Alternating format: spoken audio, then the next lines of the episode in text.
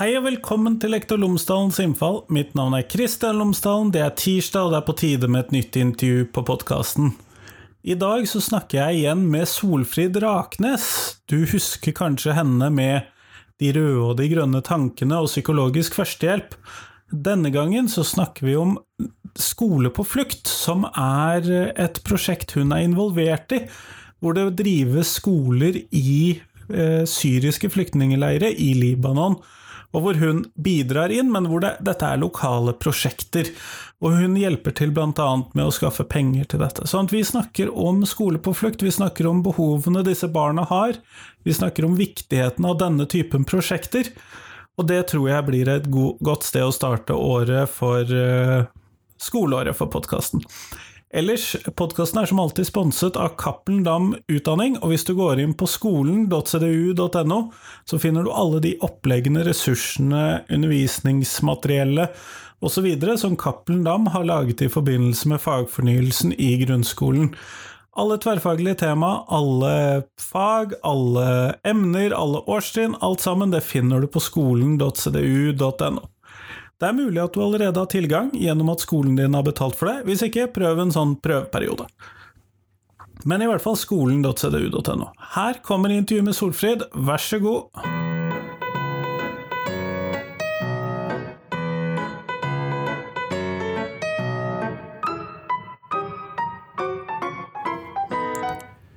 Solfrid Raknes, tusen takk for at du har blitt med på podkasten i dag.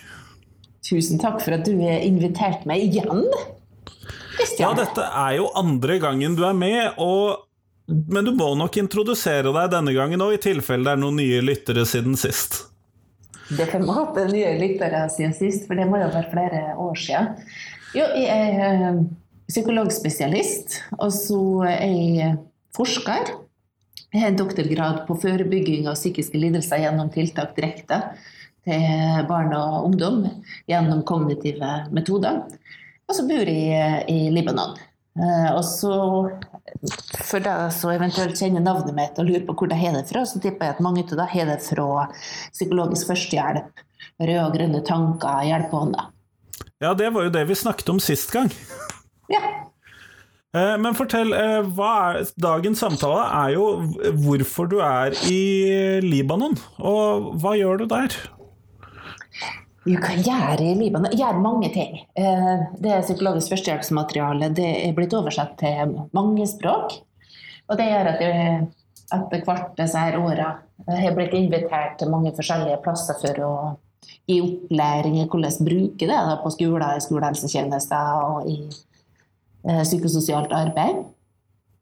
Og En av invitasjonene for fire år siden kom fra Libanon, og da var jeg i slutten av doktorgradsarbeidet mitt.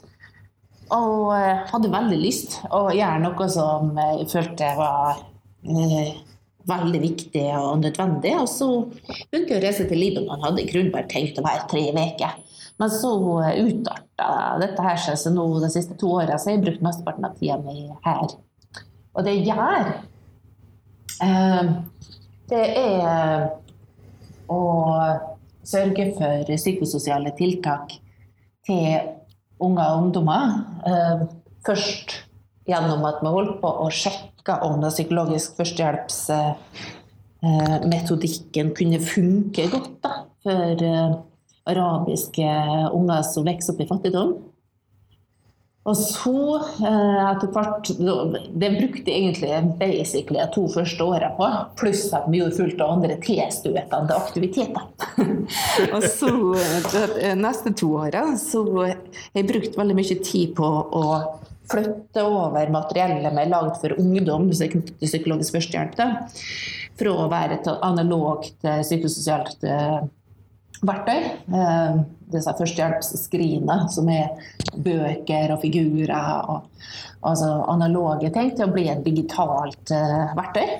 Uh, som vant en sånn konkurranse, da. Norad-midler. Gyldendal og Atensi og i, sånn at vi fått laget noe som jeg syns blitt Jeg er veldig stolt over det. Det er hjelpehånda på arabisk og på norsk. Et virtual reality-spill. Eh, som funka på arabisk og på norsk, og som nå holder på å bli oversatt til engelsk og fransk. Eh, og på arabisk så er det i form av en app som eh, vi bruker ute i skolene som er knytta til her, og i, i psykososiale eh, intervensjoner som er rulla ut i flyktningleirer, og sjekker om det er vits i at, at vi gjør det arbeidet. Og så gjør vi fullt andre ting. Mm. Når jeg går inn på nettsidene dine, så finner jeg bl.a. Eh, en relativt sånn gripende tittel 'Skole på flukt'. Hva er dette for noe? Ja, en av organisasjonene som jeg har arbeidet med nå i fire år, det er Multi-Aid Programs. Og det er en organisasjon som er grasrotsorganisasjon oppretta av syrere. Først og fremst leger. Uh, gründeren der er Fadi, dr. Fadi al-Halabi, og han er hjernekirurg. Uh, når han og legekollega av han og ingeniørvennen av han flykta over fjellene fra Syria til Libanon da for 10-11 år siden, så så de at det viktigste de kunne gjøre når de er her i landet uten ja, arbeidstillatelse, sånn som eh, syriske ja, syrere som kom over fjellene typisk er. Da. For det er veldig vanskelig å få arbeidstillatelse annet enn for å plukke poteter og, og vaske.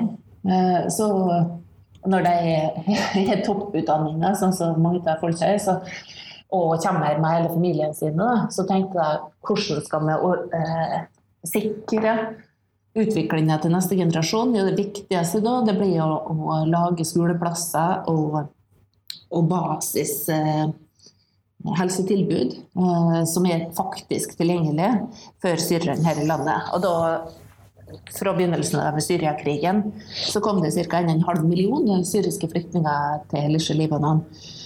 Eh, så MEPS, Multi-Head Programs forkorta MEPS, da oppretta ni eh, skoler.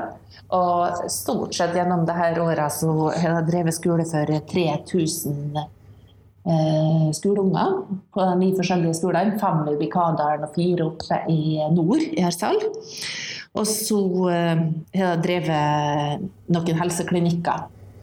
Eh, og skole på flukt, det jeg på en måte har holdt på og gjort der, da, det er å fundraise, eh, som det heter på amerikansk. Skaffe midler, sånn at det er flere av unger faktisk får skolegang. For skolegang, disse er hovedutgifter for eh, skole, det er lærerlønninger. Så hvis lærere får lønn, så er det mye større sjanse for at de gjør en god jobb og kommer og gjør jobben sin hver dag. det, det ser vi jo i Norge også. Ja, det er viktig overalt, ser du. Få litt lønn for den jobben, eh, det de gjør. Da, da funker det bedre. Altså. Folk trenger noen penger for å uh, klare å gjøre jobben sin. Uh, og, ja, så det, I fjor for eksempel, så samla vi inn gjennom skolefolk på fluktearbeidet 104 000 amerikanske dollar, som det blir gitt i dollar. Og det, med inflasjonen her så betyr det rett og slett enormt uh, mye. Det betyr eh, full dekning av én av de denne skolen, pluss noe til én av skolen til, pluss penger til nå faktisk 50 heklende damer. Som hekla seg et liv og hekla skole for 300 unger. Ja, nettopp. Eh, hvorfor driver man med denne heklingen? Jo, det er så det, Du vet eh, Det er jo mange i Norge som liker å hjelpe til hvis de vet at en kan bidra med noe som en eh, vet kommer fram. Sånn at En av tingene som skjedde veldig raskt etter at jeg begynte å dra til Libanon, det var at folk som kjente meg fra hjemkommunen min, tok kontakt og spurte er det noe jeg kan gjøre. og jeg visste jo at det var kaldt i Libanon om vinteren, så jeg husker jeg sa at Katrin eh, Gangstad, som var en av de første damene som henvendte seg, så, så, sa jeg at kan du kanskje strikke en genser jeg kan ta med? sånn det er kaldt. Og så gjorde hun mer enn det. da hun organiserte og laga nettverk med fullt av strikkende damer fra Norge. Sånn, stort sett så jeg brukt å ta med meg to til fire kofferter med strikka klær som er strikka av, av Dame i Norge. Nystrikka ting. Hue, votter, sokker, rogger er viktig. skjerf, fullt og innmari fine gensere å tappe. Og så når jeg kom inn i teltet da, for, eh, til flyktninger som bor i det her flyktningleiren i Bikadalen, som ligger på 1000 meter høyde ca. Der er det kaldt om vinteren. Så, og delte ut disse fantastisk fine plaggene. Så blir damene damen og ungene og mennene veldig glad. Men det damen gjør, det er at jeg kommer og viser, viser det etter hvert fullt og sånn mm, Veldig fint håndverk, dette her. Jeg kan eh, jeg er god på håndverk. og så viser sånn, så viser jeg hva jeg holder på å hekle. Eh, for det er ikke strikkekultur blant syrerne som jeg kom over, i hvert fall, men det er en sterk heklekultur. Så viser jeg hva jeg kan og hva jeg lager, og, og enten helt sånn direkte eller viser på telefonen sine liksom, hva jeg har gjort. Da. Og så begynte vi å tenke på hvordan kan vi For da hadde det jo typisk sånn to til fire kofferter som var tomme når jeg dro hjem. Og så jeg tenkte ja, hvordan kan vi liksom utnytte bærekrafta i begge retninger. Og så snakka med Susanne Urban, som er ei dame som bor i Bergen, eh, arkitektutdanna egentlig, men leder for Internasjonal kvinneliga for fred og frihet eh, i Bergen. Og hun var akkurat da i startgropa av en sånn fokus på, på fredsarbeid knytta til oppmerksomhet rundt atomubåter i norske fjorder og farvann. Eh, så vi lurte på hvordan kan vi bruke heklekraft for å, å understøtte den oppmerksomheten oppmerksomhet, på atomubåtene rundt uh, Norge. Da. Og så fant vi ut hvis vi hekler blekkspruter det er jo vilt vakkert. Ja? Hvis man får hekla blekkspruter, en måte det som er med å støtte en kampanje, så får en liksom en pratepunkt rundt, rundt, det med vern av liv under vann, eh, det bærekraftsmålet der. Og eh, et av de andre store utfordringene i verden nå er jo flyktningutfordringene. Og sant, så har man på en måte en, en vei inn til å prate om atomubåter som ellers ikke er på en måte så lett å få prate med folk om, altså viktig. Ehm, så da bestilte hun 700 hekla blekkspruter. Så det tok jeg med og så ble det en veldig sånn suksess. da, eh, At veldig mange likte disse blekksprutene. Det var lett å, å, eh, skape fokus, og det var vilt fint. Og det er vilt fint. sånn at Nå etter hvert så har jeg tatt meg ca. 2500 hekla blekkspruter. Eh, og så har vi utvida. Så nå i vinter så har vi fått en vanvittig salgssuksess. Og det var en eh, lærer i Bergen, Grete Melby, rektor, nei, lektor, lektor, eh, sånn som du. Grete Melby. Eh, og hun, når den her amerikanske presidentinnsettingen var i vinter så satt jo han eh, Bernie Sanders der vet du, på stolen sin med, med disse strikka vottene og grønne jakker. Og så litt sånn forkommen ut. Og så er jo han liksom erkesymbolet på, på en arbeider og en sosialist. Eh, som eh, kanskje ikke er så forfengelig. og det vet ikke, Det er vel mange ting med akkurat det der. Han ble en sånn meme som spredde seg, og så kom hun Grete på kanskje det og Solfrid og disse her eh, Crochet Community Collective-damen kan eh, For vi hadde vi laga organisasjon og alt det. Eh, ta det seriøst.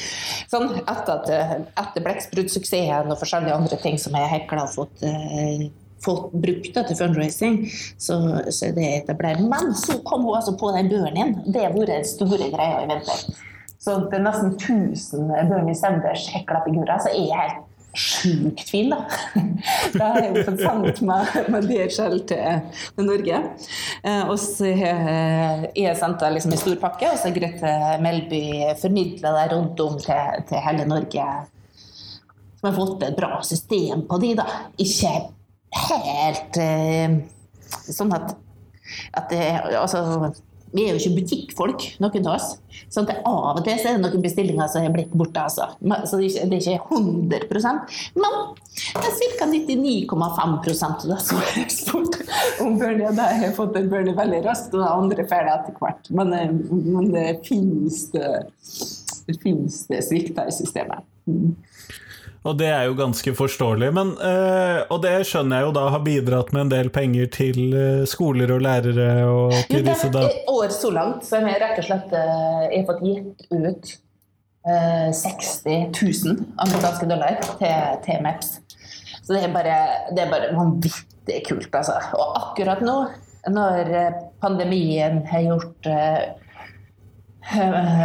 pandemien samtidig med en enorm inflasjon i Libanon, som bare tar knekken på flyktninger her, i tillegg til alle libanesere sånn økonomisk. Så er det bare så viktig. Så I går så var jeg i Bikadaen og snakka med noen på Hekledamen. Og ungene ser er tilbake igjen på skolen etter lockdown, nummer 18. eh, og da da ser flere til Hekledamen Jeg jeg spurte altså, men hva betyr det for deg, dette hekleprosjektet nå? Og så sier hun jeg hadde ikke overlevd uten. Jeg fikk covid. Eh, dette har gjort at jeg kunne kjøpt medisiner, og at jeg har fått uh, spist uh, uten å måtte grave i søpla. Og at jeg, at jeg kan bo, betale leie, da, sant? og slippe å bo på gata. Sant? Så det, det, er basic, altså. Og for da ei anna Mariam hun sa at ja, for dotter, hun er en datter på fire år, altså hun sjøl, hun er eneforsørger. For datteren min og meg så betyr det mat, eh, og det betyr eh, at datteren min nå kan begynne på sånn her eh, førskoletrening, sånn så er mulighet til å sende henne til det. Og, og vi kan bo uten å bo ute. sånn. For det er dyrt å bo i telt, og det er enda dyrere å bo i leilighet.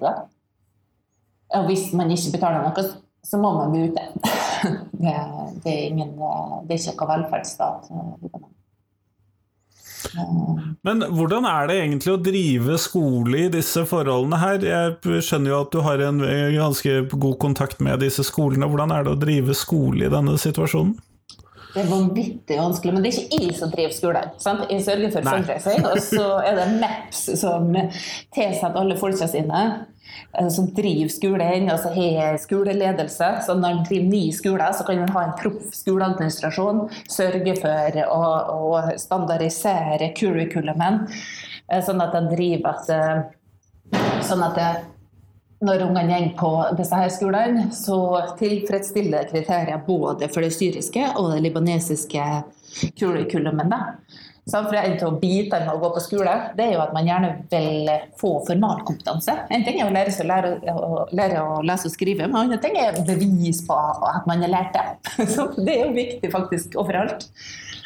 Og, og det er altså det med å være flyktning, syrisk flyktning i Libanon og i det andre nabolandet til, til Syria, det, det er politiserte konflikter. Altså litt like som å komme Eh, til Norge som asylsøker, så har man ikke umiddelbare rettigheter. Er ungene som kommer til Norge får typisk begynne på skole. I Libanon så er det på papiret sånn at uh, unger skal ha rett til skolegang, men i praksis er det jo ikke sånn. Altså det, uh, det er mange Ja.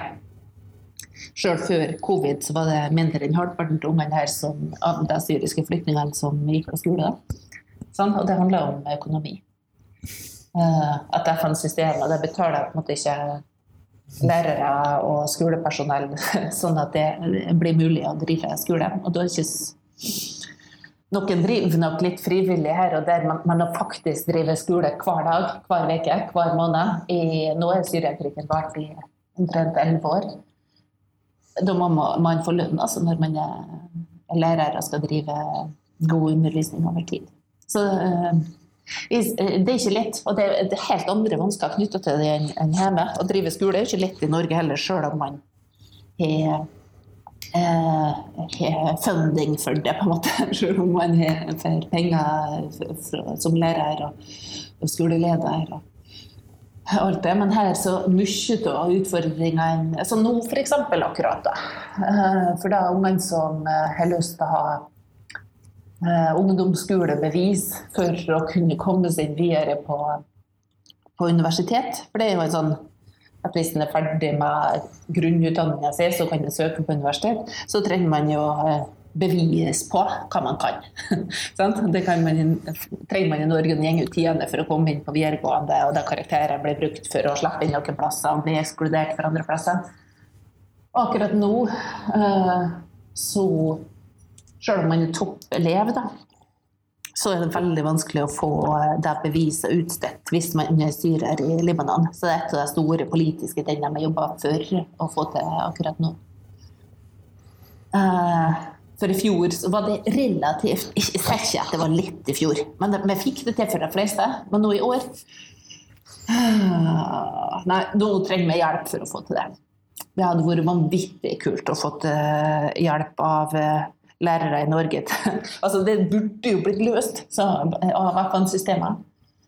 Sånn at eh, når man er god på å regne og lese og skrive og snakke engelsk og skrive arabisk og altså De er knallgode, disse ungene, og så får de ikke uh, stempelet sitt med utdanningsministeriet, sånn at den utdanningen formelt er verdt noe. Så det, det for eksempel, og det, det kan en jo bruke tid på. Det er et av problemstillingene. Mm. Og det skjønner jeg er krevende. Dette er jo stater som uh, er relativt usikre stater i utgang... Eller hvor. Statsinstitusjonene i hvert fall kan se ut som de er litt usikre tidvis. Ja, absolutt. Altså, Libanon mangler jo en eh, fungerende regjering. Uh, og, og landet er gjennomkorrupt.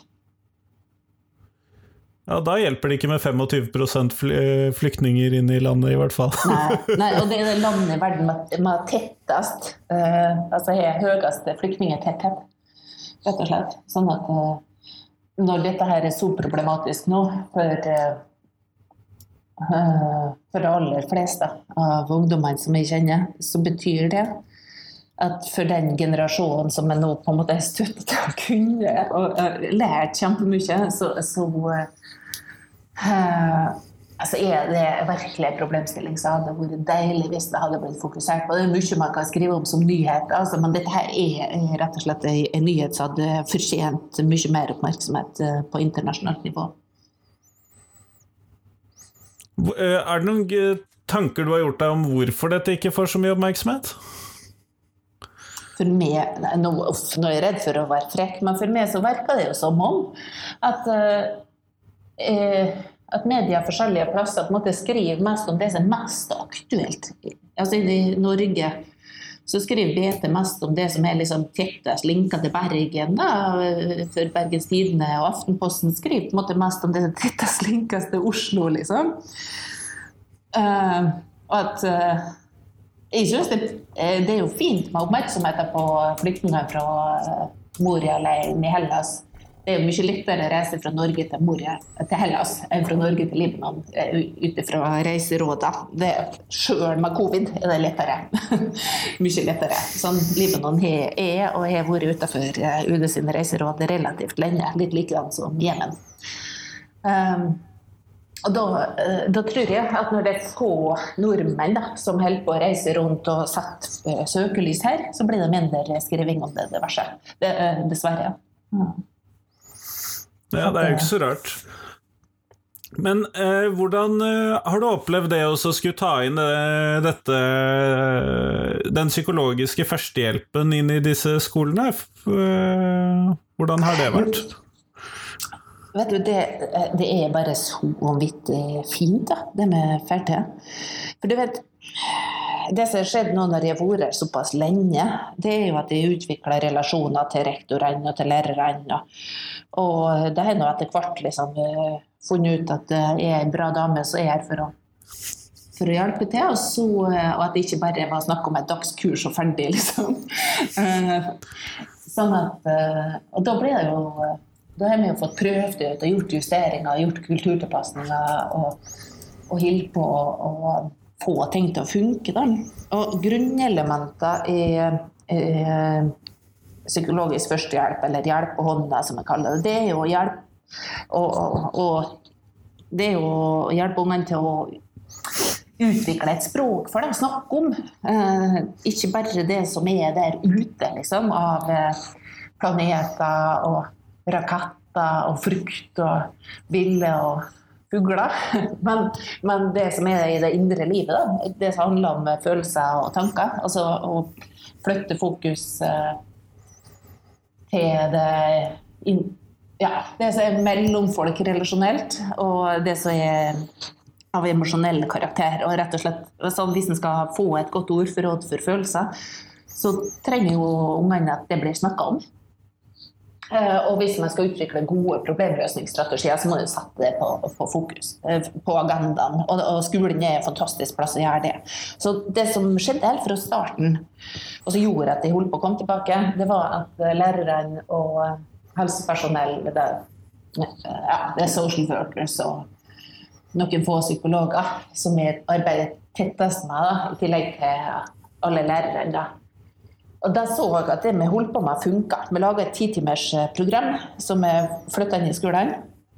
Uh, og så så vi helt fra starten at, uh, at ungene da ja, etter dette her så ble de mer oppsøkende på læreren. Ikke bare til å snakke om ting som var på en måte få hjelp med matteoppgaver, men få hjelp med det de kan være emosjonelt. Og så når læreren ble hadde mer fokus på det, så ble klassemiljøet bedre. Og så var det flere unger som klarte å bruke mer av timene til å konsentrere seg. Og, da, det var det på en måte at det funka så godt, Så fikk eh, MEPS til å ville samarbeide med meg over, over tid, og at vi holdt på å fortsette. Og så har vi nå med den eh, appen, da, eller det spillet hjelp på hånda, så, så, skjer det samme igjen. Så det, det kom ut i fjor, da, det spillet på arabisk juni. Nå har jeg vært ute nesten et år. Jeg har vært veldig spent da, på den overgangen fra analogt program til digitalt program. Om jeg har fått til å lage noe. Og nå flytter jeg aldersgruppe. sånn Analoge har vært for unger fire til 12 år, mens det digitale nå er for ungdommer. Um, og så uh, som er fæl til det. Men jeg har brukt masse tid på brukertesting underveis. og Jeg har følt liksom at vi har vært på rett vei. Og jeg vet aldri når jeg lager et digitalt produkt sånn, om, eh, om, det faktisk funker som en har lyst til før det er ferdig og at en kan bruke det. Mens nå har vi gjort uh, pilotstudier og holdt på med feasibility-studier. Så først uh, omtrent 450 ungdommer mellom 13 og 17 år har brukt det i uh, psykososiale grupper på vi delte opp. Noen har brukt det fulle klasserom to grupper med 30 ungdommer hver, men resten har vært sånn at vi har hatt det i grupper på ti ungdommer i gangen og, og deg sånn, og tilbakemeldingene kvalitativt. Nå er jeg på en plass der jeg tenker at wow, dette her funker. Og at uh, når jeg snakka med, med skoleadministrasjonen på Maps i går, så sier jeg at uh, ja, dette her, nå kan vi stå for dette her. Lærerne liker det kjempegodt, de blir tryggere. Ungene Da ser jeg direkte at vet du, jeg er blitt mye bedre til å takle både når jeg blir sint og når jeg er redd, og det er mye lettere for meg å holde skolepresentasjoner enn hva det har vært før. Og dessuten så er jeg blitt bedre venn. Jeg vet mer hva jeg skal gjøre når vennene mine blir mobba. Uh, mange av kaver jo med, med selvmordstanker. Og det der å hjelpe andre venner med selvmordstanker og måtte være litt forberedt til disse innmari vanskelige situasjonene der, det setter jeg enormt pris på. Så, og det er jo egentlig veldig likt da, i, i Norge og, og, i Libanon. At uh, det å få noen gode verktøy som passer med sunn folkeskikk med seg selv i et godt system. og som det, det, det som det gjelder inn i det å prøve det, da typisk er det veldig gode tilbakemeldinger. og merker at det merker, det vitser. At man får til både med enkeltungene og ungdommene og med klassemiljøet og på skolenivået. At det, ja, at det rett og slett eh, gir mye mening fordi at en ser at ungene blir bedre til å koble seg på når de har utfordringer, enn til å på en måte bare late som om det ikke er der og kave med det sjøl. Sånn. Så ungdommer som måtte, ber om hjelp når de trenger det, det er mye lettere å hjelpe.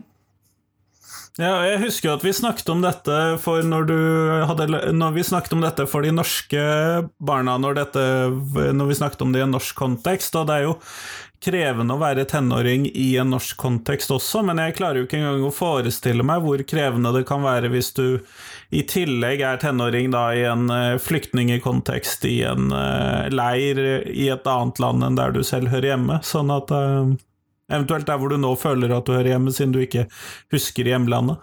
Mm. Ja, det, sånn at, det, er det er vanskelig å være syrisk flyktning i Libanon nå.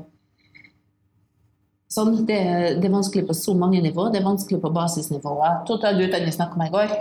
eh, 15 og 16 år, når jeg spør da om eh, hva utfordringer har det sånn i hverdagen nå, da?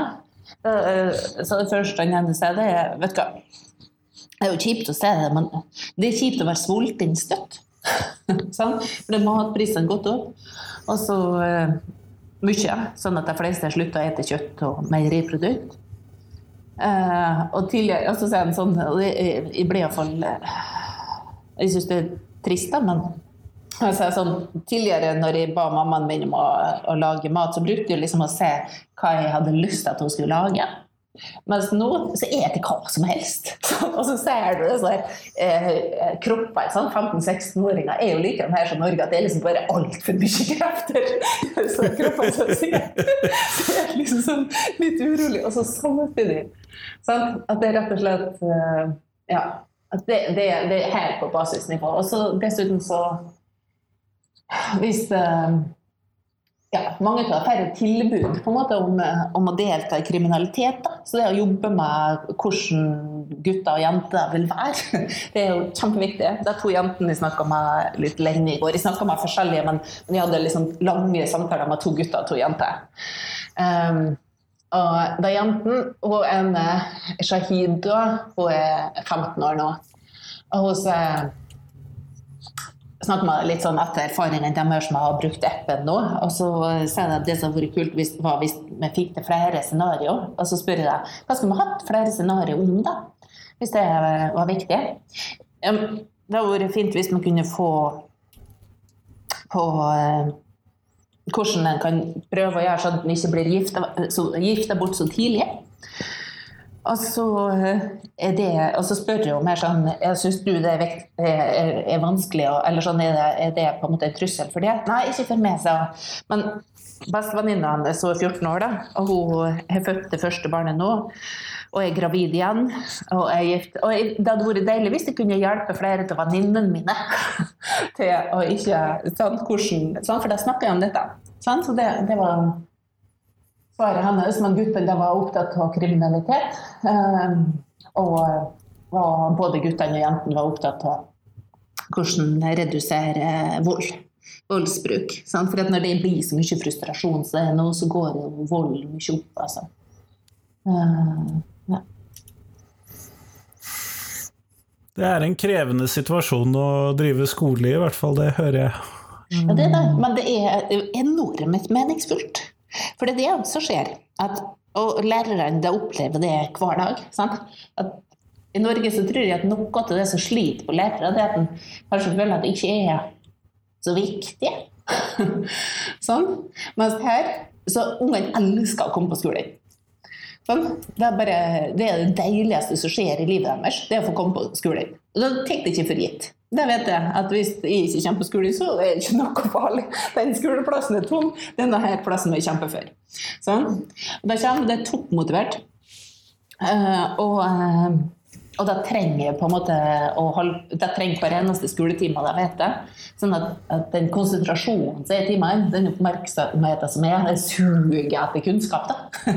Det gjør jo at, at rolla som lærer, den det gir enormt med mening. Så det, for lærere så opplever jeg ikke noe. Eller sånn, det er bare de timene som har vært, og det er sikkert, det er sikkert vært ikke 500 skoletimer altså, for jeg hunger så mye disse eh, leirene i skolen for å se hva som skjer, og lage relasjoner og alt det.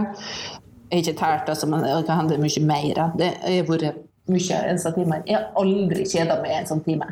Sånn, det, er, det er knallbra skole, rett og slett.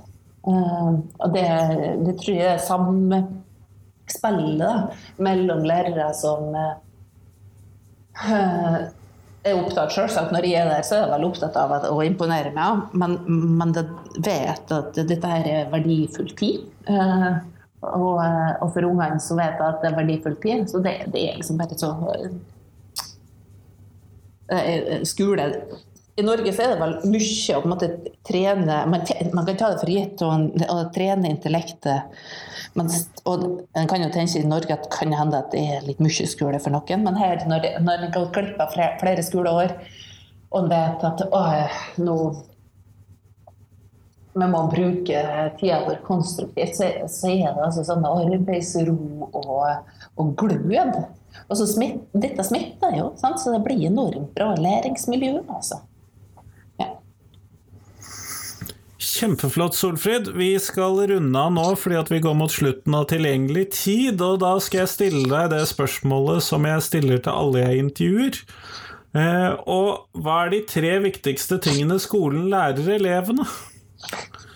En, godt språk for det indre livet. Godt språk for følelser og tanker. To. Jeg syns det er på høy tid at unger lærer på skolen å skille mellom hva som er situasjon, følelse og tanke. For det er forutsetning for kritisk tenkning og for god problemløsning. Tre, så syns de at de trenger å lære et emosjonelt problemløsningssystem som kan brukes eh, fleksibelt. Kjempeflott. Tusen takk. Tusen takk for meg igjen. Mm. Solfrid, kan du fortelle lytterne mine tre ting om deg selv, sånn at de kan få bli litt bedre kjent med deg? Ja, I går feira jeg 17. mai ved å møte syriske flyktninger som bor i teltleirer i Libanon, på den første face-to-face-skoledagen deres etter mer enn ett år i lockdown. Så det var en ting. Neste ting så er det litt stolt av.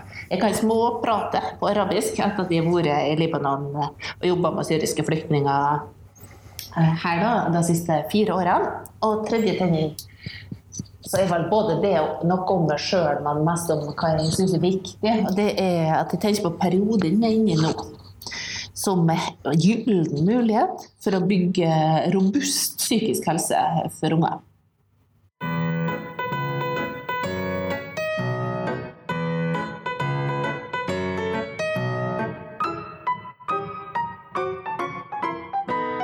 Tusen takk til Solfrid, og tusen takk til deg som hørte på. Nå er det fram til i morgen, så kommer det et ekstra intervju på podkasten i forbindelse med valget. De har jeg jo stort sett slengt ut som ekstraepisoder, i hvert fall nå etter mesteparten av sommerferien hadde gått. Neste uke så kommer det også en slik ekstraepisode, og så er vi ferdig stort sett med valget, bortsett fra neste fredagsepisode også. Det er viktig å dekke valget grundig, og nå er det blitt en del episoder, så det får man vel påstå at jeg har gjort denne gangen også. Men eh, hjelp meg gjerne med podkasten min, del med noen som du tror vil sette pris på den. Eh, send meg tips til hvem du har lyst til å høre på, eller hvilket tema du har lyst til å høre på. Gi meg stjerner i iTunes, Apple Podcaster, Spotify, alle steder hvor jeg kan få stjerner. Gi meg så mange stjerner som du kan, og skriv gjerne en liten sånn review, for da blir jeg kjempeglad. Og så gir disse tjenestene da en høyere prioritet til Lektor Lomsdalens innfall. Ellers er jeg jo glad for å se at folk er tilbake i skoledrift igjen, for det ser jeg på lyttertallene mine på podkasten. Sånn at eh, jeg er glad for at dere hører på podkasten. Tusen takk for det. Men nå, fram til i morgen, og så fram til fredag, ha en fin uke. Hei, hei.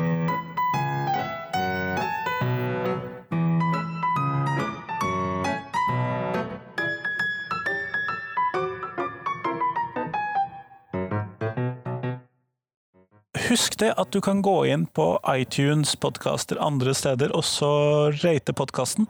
Det blir jeg kjempeglad for. Gjerne full pott, selvfølgelig. Men vi høres!